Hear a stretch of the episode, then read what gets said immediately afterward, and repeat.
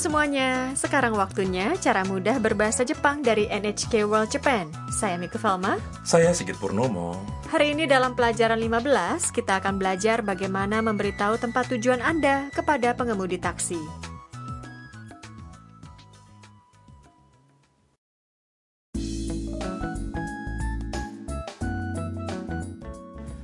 Mia, fotografer dari Cina, datang ke provinsi Nagano, Jepang untuk memoto permandian sumber air panas atau onsen. Ia mencoba naik taksi ke sebuah taman yang disebut Jigokudani Yaen Koen. Ini adalah tempat wisata terkenal di mana monyet-monyet liar mandi di onsen pada musim dingin. Mari dengarkan sandiwara singkat pelajaran 15.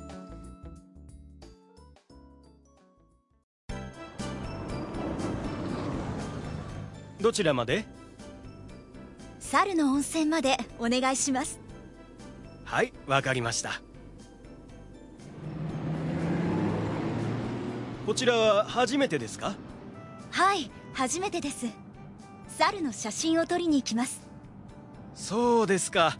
今日は寒いから猿がたくさん温泉に入ってますよ。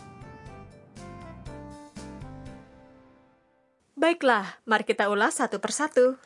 Pengemudi taksi bertanya, Mau sampai ke mana? Mia memberitahu tempat tujuannya. Tolong antar sampai ke onsen monyet. Pengemudi itu mengatakan, Hai, wakarimashita. Baiklah, saya mengerti. Kochira hajimete desu ka? Apakah ke sini untuk pertama kalinya?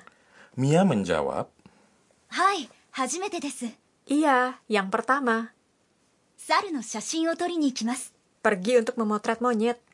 Pengemudi itu mengatakan, "So Oh, begitu ya.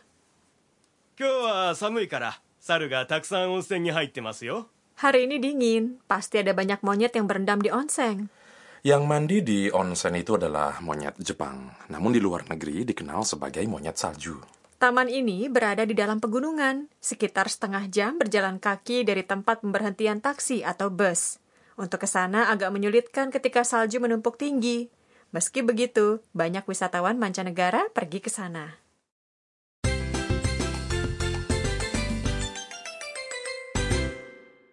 Ungkapan kunci hari ini adalah tolong antar sampai ke onsen monyet.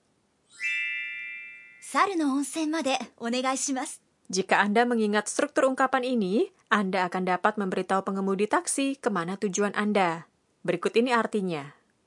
Saru no onsen. Berarti onsen monyet. Di antara saru monyet dan onsen. Onsen terdapat partikel no yang menghubungkan kedua kata benda. Kata benda pertama mengubah kata benda kedua. Made adalah partikel yang berarti sampai ke onegaishimasu berarti tolong. Ini digunakan untuk meminta seseorang melakukan sesuatu. Poin hari ini. Saat Anda ingin mengatakan tempat tujuan, tambahkan made setelah nama tempat dan diikuti dengan onegaishimasu. Mari dicoba dengan mendengarkan dan mengulanginya kembali.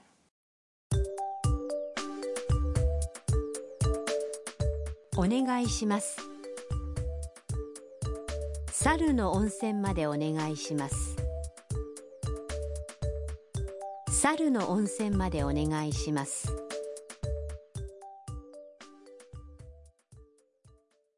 Apakah bisa?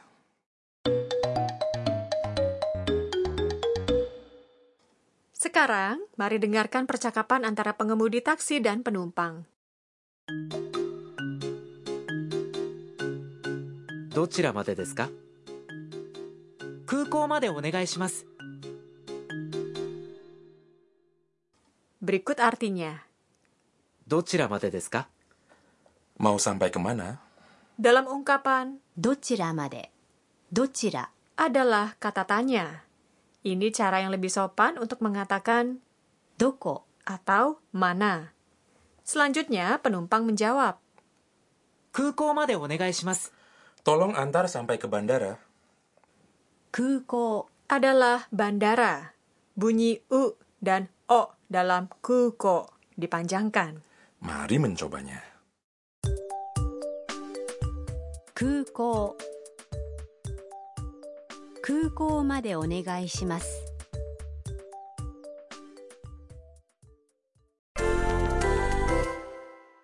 Mari berlatih.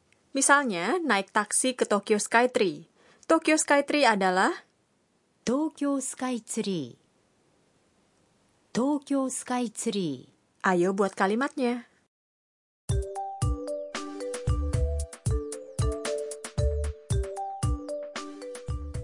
東京スカイツリーまでお願いします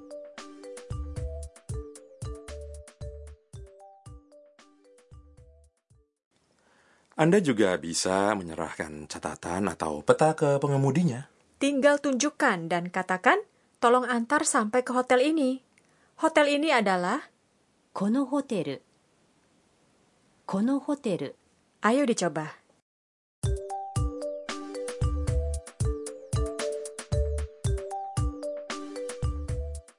Kono hotel made onegai.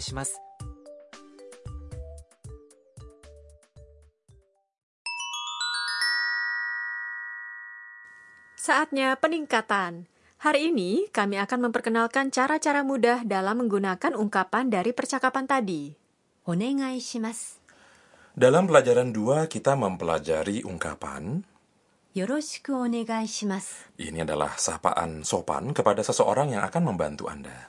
Dengan menambahkan kata kerja sebelum onegai shimas, Anda dapat menggunakan ungkapan tersebut untuk meminta berbagai hal. Misalnya check out dari hotel, Anda dapat mengatakan チェックアウトお願いします untuk memesan secangkir kopi. Kopi adalah コーヒーコーヒ jadi ungkapannya adalah ーコーヒーお願いします bagaimana dengan meminta bon di restoran?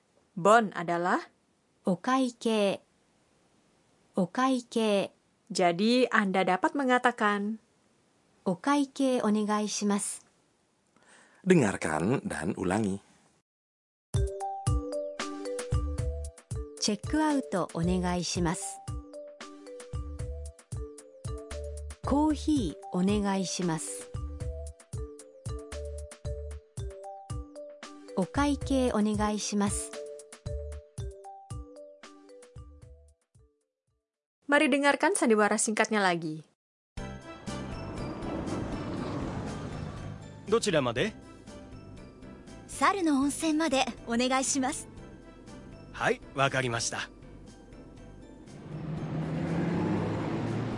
こちらは初めてですか？はい初めてです。猿の写真を撮りに行きます。そうですか。今日は寒いから猿がたくさん温泉に入ってますよ。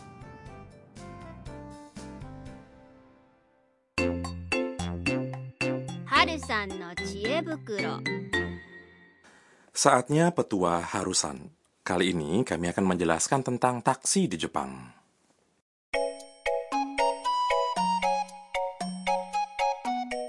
Tarif taksi kebanyakan ditentukan oleh jarak. Tarifnya tertera di argometer. Jadi, tidak perlu tawar-menawar. Anda juga tidak perlu memberi uang tip. Kebanyakan bandara, stasiun, hotel, dan tempat-tempat wisata memiliki pangkalan taksi. Di wilayah perkotaan, Anda bisa menghentikan taksi di jalan dengan mengangkat tangan Anda. Lalu taksinya akan menepi. Tidak perlu membuka pintunya sendiri. Pengemudi akan membuka dan menutupnya dengan alat pengendali jarak jauh. Jika taksi itu kosong, tanda elektronik di jendela depan akan menampilkan dua huruf kanji, 空車 yang berarti kosong. Akan sangat berguna jika Anda mengingat bentuk kanjinya. Lalu, apakah kita bisa memesan taksi lewat telepon? Ya, dan ada banyak aplikasi untuk memesan dalam bahasa Inggris. Jika Anda pergi ke daerah yang agak sepi, lebih baik Anda memesannya. Taksi memang praktis, namun kemacetan di kota-kota besar dapat membuat perjalanan menjadi lebih lama dari yang Anda perkirakan. Selain itu, Anda harus tahu kalau tarifnya akan bertambah seiring meningkatnya lama perjalanan.